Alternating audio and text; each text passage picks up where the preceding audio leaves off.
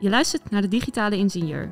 In deze podcast slaan we een brug tussen ons werk als ingenieur en de digitale wereld. Vandaag praten we hierbij over de Digital Twin, de digitale kopie van de werkelijkheid. Leuk dat je luistert naar deze podcast. Mijn naam is Pieter Bassen Visser en in deze reeks van drie praat ik met drie specialisten die elk op een eigen manier werken met een digital twin. Vandaag praat ik met onze collega Laurens Versluis, stedenbouwkundige bij Witte. Laurens, uh, leuk dat je er bent. Ja, dankjewel. Kan je eens wat vertellen? Wat doe jij binnen Witte en Bos? Vanuit mijn stedenbouwkundige achtergrond uh, adviseer ik uh, architecten, gemeentes over hoe ze het beste eigenlijk wijken en stukken stad kunnen, kunnen ontwerpen. En dat op een gezonde manier. Oké, en wat voor projecten werk je dan zo aan? Uh, nou, bijvoorbeeld uh, uh, Entree Zoetermeer, waarbij het gebied tussen het centrum en het station helemaal wordt aangepakt. Eigenlijk een, een, transformatie van een kantoorwijk naar een gemengd woongebied. En daarbij kijk ik dan bijvoorbeeld naar um, fietsconnectiviteit en lopen, maar ook naar windcomfort. Zeg maar. er wordt heel veel hoogbouw gepland. En, dan ga je kijken van ja, is, er, is, is, is de buitenruimte die daar wordt gepland uh, door de architecten daadwerkelijk ook een comfortabele buitenruimte om uh, in te zijn. Ja, dat er niet alle wind om een uh, gebouw heen gaat. Bijvoorbeeld, mensen, bijvoorbeeld. Ja. ja. Ik weet nog een stukje in het, op de TU Delft waar de studenten altijd weggeblazen werden. Dat is een van de meest beroemde voorbeelden in, in het gebied van windhinder. Ja, ja. ja, ja. En, en hoe pak je zoiets aan? Want je, om die data te verkrijgen moet je een ontwerp hebben, ik denk van onze collega's. Of hoe... Hoe werkt dat precies? Ja, ja het, het begint allemaal met data. Uh, zeker, zeker weten waar. Um, uh, er is al heel veel data beschikbaar eigenlijk in Nederland. Hè. Je hebt al heel veel open data. Uh, data van alle gebouwen, van alle wegen. van het, het, het, maaiveld ook, hè, de hoogte van het maaiveld. Het nationaal hoogtebestand. Dus dat, dat verga je eigenlijk. Maar um, en daarmee kan je bijvoorbeeld de huidige situatie goed in kaart brengen. Maar we hebben te maken over, uh, we hebben te maken met uh, toekomstscenario's, hè, een toekomstige ontwikkeling. Uh, dus dan krijg je inderdaad van de architecten krijg je ontwerptekeningen en die digitaliseren we dan. En daaruit genereren we opnieuw weer data die dan de input vormt voor onze modellen. Ja. Oké, en ehm, nou, we hebben het vandaag over digital twins. Nou is dat in de laatste jaren een enorm buzzword geworden. Eh, het heeft een behoorlijk breed spectrum, laten we het zo zeggen. Werk jij al met digital twins of hoe komt dat terug in jouw dagelijkse werkzaamheden? Nou, het is grappig dat je het zegt, hè, want hoe, hoe komt dat terug? Ik denk dat er gewoon ehm, al heel veel eh, digital twins zijn die niet per definitie het digital twin uh, stempel hebben, zeg maar. Mhm. Ik merk het nog niet heel erg terug, maar als ik erover nadenk over wat is eigenlijk een digital twin, um, denk aan bijvoorbeeld een kaart een simpele kaart van een gebied um, uh, waarop geografische data wordt gevisualiseerd. Ja, dat heeft een koppeling met de werkelijkheid, zeg maar. Dus eigenlijk is, zoiets simpels als een kaart al een soort digital twin, zou je kunnen zeggen. Ja. Um, dus, dus dat, uh, in, in, als, je, als je het zo bekijkt, ben ik inderdaad al uh, een tijdje bezig met, uh, met digital twins. Um, maar ik denk dat er wel een soort consensus is dat een digital twin heel complex moet zijn. Hè. Men denkt al snel aan een gebouw waarin elke ruimte wordt gemonitord, de, ventilatie, de, de CO2-waarde in het gebouw. En, en er zit iemand uh, achter een schermpje dat allemaal bij te houden, zeg maar, met, met, met behulp van de digital twin. Uh, ja, daaraan heb ik nog niet gemerkt. Nee. Um, maar de data waar je het over hebt, hè, met bijvoorbeeld de windwaardes en wellicht ook hittestress en dergelijke, die data is geschikt om in een model te stoppen. Heb je ook wel eens met, aan een project gewerkt waar je dan aan de knoppen kan draaien om bijvoorbeeld een ontwerp te kunnen optimaliseren of iets dergelijks? Ja, ja zeker. Ehm, ik kijk ook heel vaak naar netwerken van voetpaden of van fietspaden. En um, die dat, zijn, dat zijn eigenlijk vrij simpele modellen waarin je al heel snel feedback kan geven aan de, ontwerper of, of het werkt of niet. Dus, dus de ontwerper die tekent mooi de gebouw, de openbare ruimte en die zegt, nou, ik, plan hier een fietspad of een voetpad. Um, en wij kunnen dan met, met zo'n model heel snel aangeven eigenlijk van, goh, hoe, dit, fietspad kan beter verbonden worden als je het zo verbindt, zeg maar. Dus als ik het goed begrijp, heb je eigenlijk binnen je eh, werkzaamheden bij Witte en Bos nooit echt een, uh, nou laten we het even de, de vergevorderde digital twin uh, gemaakt. Maar ben je wel bezig met simulatiemodellen waarin data wo wordt gestopt en die daadwerkelijk ook kan worden gebruikt om ontwerpen te optimaliseren. Ja, ja.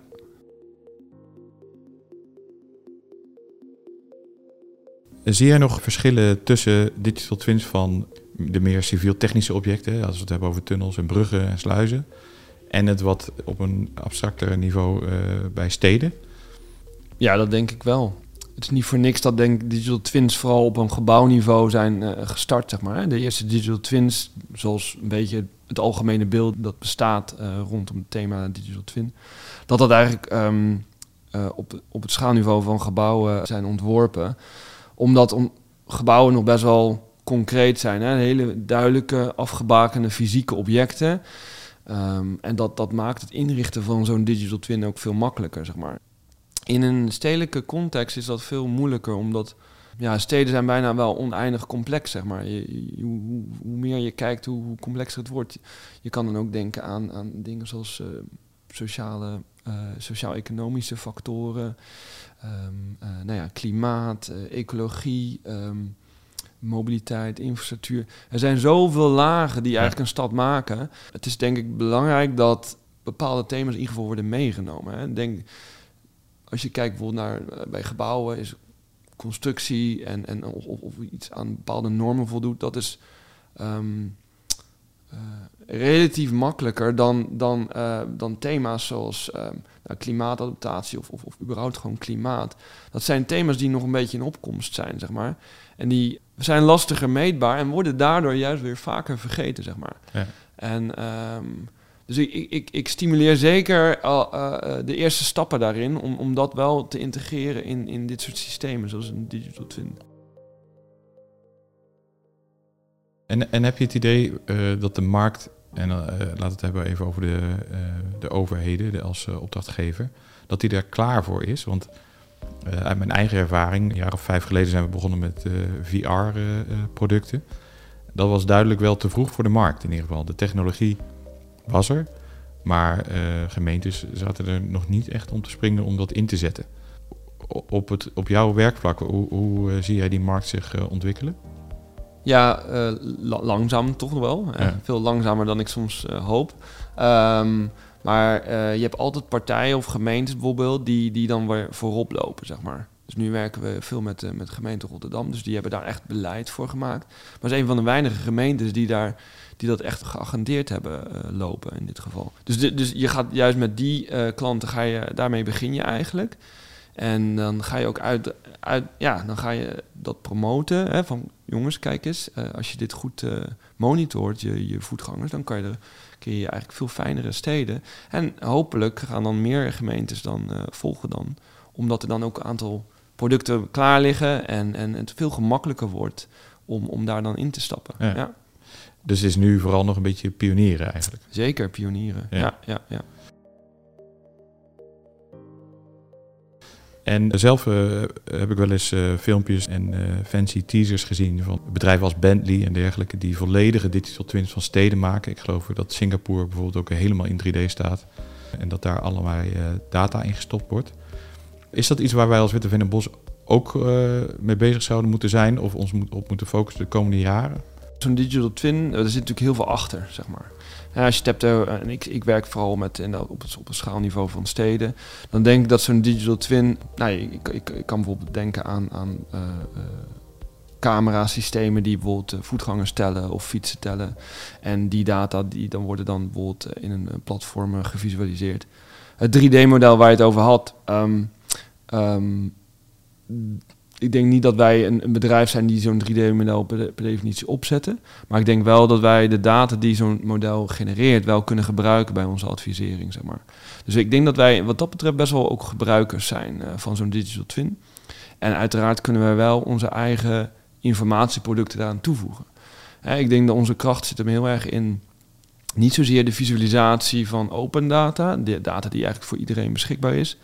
Maar het gaat heel erg om, als je bepaalde datasets koppelt, slim over, over elkaar heen legt en nieuwe inzichten creëert dat, dat is denk ik de toegevoegde waarde voor Witte en Bos. Ja, dat is echt het ingenieurswerk, zeg maar. Precies, Ja. precies. Een digital twin is eigenlijk een soort combinatie van verschillende datamodellen. Ehm, als dat gevisualiseerd wordt, is het soms moeilijk om dan te bedenken van, goh, hoe accuraat zijn deze voorspellingen bijvoorbeeld echt eigenlijk? Eh, hoe zeker kan ik zijn eh, eh, van, van wat ik nu zie? Kan ik hier nu hele belangrijke beslissingen ook eh, opmaken, zeg maar? Ehm, dat is iets wel echt een taak dat ook bij ons ligt om daar de, de, de klant in dit geval ja, du- daar duidelijkheid over te geven.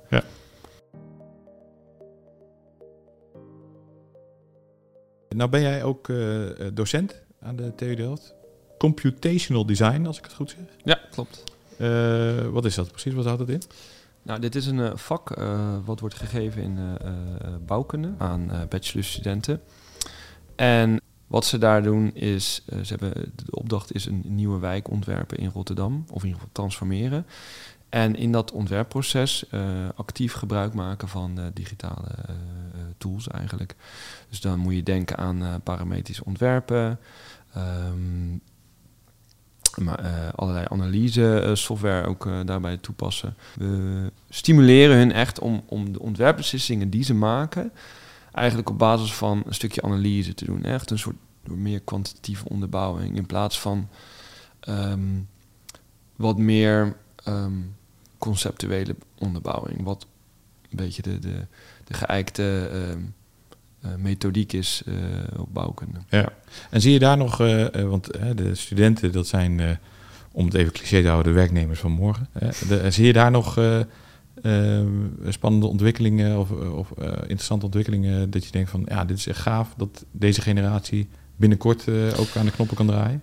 Ja, je wordt er soms wel een beetje bang van. Want, eh, want de- als je ziet gewoon zeg maar, hoe, hoe gemakkelijk ze die digitale technieken oppakken en hoeveel ze al kunnen, dat is echt ongelooflijk. Eh, als ik dan inderdaad terugkijk toen ik daar nog studeerde, was er eigenlijk bijna niks. En nu zie je al dat ja, ze gebruiken echt al hele geavanceerde eh, tooling. En op het moment dat ze dus inderdaad eh, de, de, de markt opgaan, hè, op zoek naar een nieuwe baan, hebben ze dat allemaal eigenlijk al in hun In rugzak. ja. ja. Ja, Dus dat is wel, eh, dat is wel heel mooi. En ik, ik zie dat ook nu al wel in de drie jaar dat ik hier werk. Zie ik ook al wel de, de hoeveelheid eh, werknemers die kunnen programmeren bijvoorbeeld echt rap toenemen. Ja, Ja. ja. Ja, Ik denk dat het echt, nou over vijf jaar dan is denk ik wel, dan, dan is dat bijna heel normaal geworden dat je dat je, je werk eigenlijk gewoon programmeert. eh, Ja, op de middelbare school Engels, Frans, Duits en programmeren. Ja, ja, en Python. Ja. We hebben het al even gehad over dat. eh, wat, nou, wat is nou een digital twin? Heel breed begrip. Maar ehm, op het gebied van eh, eh, stedenbouw, welke ontwikkelingen zie jij voor je in de komende, laten we zeggen, vijf tot tien jaar? gezien alle opgaven waarmee we moeten dealen, zeg maar. Dus de, klimaat, de woningbouwcrisis. De problemen zijn al complex, ze gaan alleen nog maar complexer worden, zeg maar. Dus het is echt... ehm, ik denk dat, dat, dat niemand meer... Er is niet één persoon die dat allemaal zo kan oplossen, zeg maar. Dus eh, inzichten, inzichten in, in die... En, en verheldering ook vooral in die, eh, in die complexiteit is echt de sleutel, zeg maar. Dat is echt heel belangrijk. Dus dat, dat, dat, dat, die noodzaak wordt groter en groter. En ik denk inderdaad dat een digital twin daar wel goed bij kan helpen door, door de bundeling zeg maar, van al die thema's, van al die opgaven. Door echt te kijken, wat zijn dan ook meekoppelkansen. Dus van, oh, als ik nou hier deze oplossing bied. Oh ja, wacht even, maar dat is ook een oplossing voor, dat, voor die opgave, zeg maar. Waar, waar je dat misschien niet in eerste instantie had bedacht. Dus, dus, dus dat, daar, daar zie ik wel echt een enorme eh, trend in. Wat denk jij dat wij als Witte Veen en Bos zijnde moeten doen om bij te blijven? Wel, hè, Moeten wij onze eh, eigen mensen opleiden? Moeten wij nieuwe soorten mensen aannemen? Eh, wat zie je daar voor een, spannende ontwikkelingen? Ja, ik, nou, we hebben daar inderdaad dus naar, naar, naar gekeken. En ehm, ja, zeker nieuwe mensen aannemen. Echt wel meer vanuit de, de digitale hoek. Hè? Dus de- denk aan echt eh, ontwikkelaars. Maar ook mensen die nadenken over eh, het ontwerp van interfaces. eh, nadenken over hoe vermarkt je digitale producten bijvoorbeeld. Ja, nou heel concreet eigenlijk. Hè? Daar, daar waar vroeger je gewoon een, een project had en daar zat een ingenieur op die eigenlijk alles deed. Dus die deed het tekenwerken, berekenen en, en, en de presentatie. Eh, krijgt hij eigenlijk heel veel nieuwe eh, eh, teamleden, zeg maar. Dus, dus nee, de, de, oor- de oorspronkelijke ingenieur blijft uiteraard. En ehm, eh, die is echt de, de, de ambachtsman. Hè? Die heeft de inhoudelijke kennis van het veld in kwestie. En super cruciaal, dat, dat wordt nog steeds het anker, anker van, de, van de advisering. Maar daarnaast zie je dus dat de ingenieur ook eh, een, een, zo'n ontwikkelaar als, als collega krijgt. Die gaat meedenken met de ingenieur aan een stukje automatisering, aan een stukje digitalisering. En ook wellicht eh, bepaalde eh, mogelijkheden verder verkennen. Hè? Want bedenk wel dat de digitalisering eh, brengt ons heel veel nieuwe mogelijkheden met zich mee. Ik had het daarvoor nog eventjes over de oplossingsruimte. Nou ja, als jij duizend oplossingen kan aanbieden, dat betekent dat je dus blijkbaar volledig geautomatiseerd hebt, hebt ge- geoptimaliseerd, dat je dat ineens kan doen. Een, een, een, de, traditionele ingenieur kan dat niet doen. Die kan niet duizend berekeningen maken in een korte tijd, zeg maar. Dus er zijn veel meer mogelijkheden en, en, dat, en dat project, het projectteam eh, eh, ja, wordt, wordt, wordt, heeft een- wordt breder, kent meerdere disciplines, ook zeker digitale disciplines. Maar de, de, de rol van de ingenieur wordt eigenlijk dan nog maar belangrijker. Want die is echt het anker. En ehm, ook als we het eh, een beetje hebben over de techniek bijvoorbeeld. Hoe weet je nou of de berekening bijvoorbeeld eh, klopt, ja of nee? Dat weet de ingenieur. Ja. De programmeur, de ontwikkelaar of, of, of eh, de front-end developer, die heeft daar geen inhoudelijke kennis van. Ja. Dus het is super cruciaal dat de, de ingenieur helemaal in, in een soort in, in, in het proces van testen, hè, die krijgt daar een hele belangrijke rol. Die, ma die zorgt ervoor dat daadwerkelijk de berekeningen kloppen en dat de kwaliteit geborgd wordt. Dus, dus die blijft super cruciaal, maar die krijgt gewoon heel veel hulp van eh, heel veel andere mensen. Ja. Dus het kwaliteitssysteem wat wij nu al binnen Witteveen en Bos hebben, wordt misschien eigenlijk alleen nog maar belangrijker in de toekomst. Zeker, zeker. Want eh, digitale producten ehm, ja, kunnen soms ook wel er worden ervaren als een soort black box, zeg maar. Je, je ziet niet gelijk wat er gebeurt. Het is geen Excel-sheet, zeg maar, waarin je nog enigszins kan terugrefereren, eh, terugberekenen van, oh ja, hoe, wat waren de aannames voor deze berekening? Nee, het is vaak al, zit het allemaal verpakt in een mooi, een mooi jasje. Ehm, wordt ook gelijk vertrouwd, enerzijds. Dus dat, maar er zit natuurlijk een gevaar in dat, dat, dat iets wat misschien niet klopt, Ja. wel gewoon wordt vertrouwd en waarop eh, belangrijke beslissingen worden genomen. Dus, dus hè, eh, wil je toch die kwaliteit borgen, is, is, die, is testen en kwaliteitscontrole wordt eigenlijk belangrijker en belangrijker. En ik denk dat het ook wat, ehm, en dan het misschien wat technischer, ehm, dat het minder één product ook gaat worden. Digital twins zijn vaak een beetje ontstaan vanuit grote technologiebedrijven, zo'n IBM. Hè, tien jaar geleden heette het nog Smart City. Eh, Ja. Nu is het de, de Digital Twin geworden. Ehm, wat je ziet is eigenlijk ehm, dat die, het samenbrengen tot één product eigenlijk ook niet echt werkt. Wat je moet doen is echt eh, het helemaal uit elkaar trekken. En, en wat ik ook wel steeds meer zie is dat er gewerkt wordt aan standaarden. Het klinkt eigenlijk best wel suf. Mhm. Gewoon van, ehm, ja, het ziet er misschien niet gelijk flashy uit. Maar juist een soort consensus over hoe gaan we dit doen? Hoe bewaren we data? Hoe, ehm, hoe, hoe noemen we dingen? Dat is misschien bijna wel het meest cruciale. En da daar zie je steeds wel meer eh, ontwikkeling in. Ja, ja. Dat, dat, dat daar de vraag naar is. En dat maakt het makkelijk om dingen eh, bij elkaar te brengen. En ook een stukje future-proofing. Want ehm, een gemeente of een andere klant die wil niet zeg maar, vastzitten aan één product. Zeg maar. die, wil, die, wil, die heeft over drie jaar heeft hij weer een nieuw product. En over vijf jaar weer een nieuw product. Ja. En er, zitten wel en er ontstaat wel steeds meer afhankelijkheid van zo'n systeem. Dus, dus de gemeentes gaan daar nu veel beter over nadenken. Van oké, jongens, we moeten, we moeten nu plannen maken voor de komende jaren, zeg maar. Dus hoe maken we nou, hoe zorgen we nou dat we future-proof zijn, zeg maar. ja, dat robuust. eh, Precies. En, en ehm, standaardisering en het ontkoppelen, modularisering, dat is echt wel, wat, dat, dat zie je steeds meer en meer. Ja. Eh, ja. Ja, interessante ontwikkelingen. Dus eh, in plaats van die enorme bak aan data die eigenlijk eindeloos eh, lijkt eh, er overal maar in te gooien, ontwikkelingen naar juist wat meer standaardiseren of in ieder geval protocollen opstellen. Heel erg interessant. Eh Laurens, hartstikke bedankt dat je er was. ja, was leuk. Zeker. En beste luisteraar, ook bedankt voor het luisteren. En wellicht tot de volgende. Leuk dat je luisterde naar de Digitale Ingenieur. Houd ons kanaal in de gaten voor meer afleveringen. Dit was een podcast van Witteveen en Bos.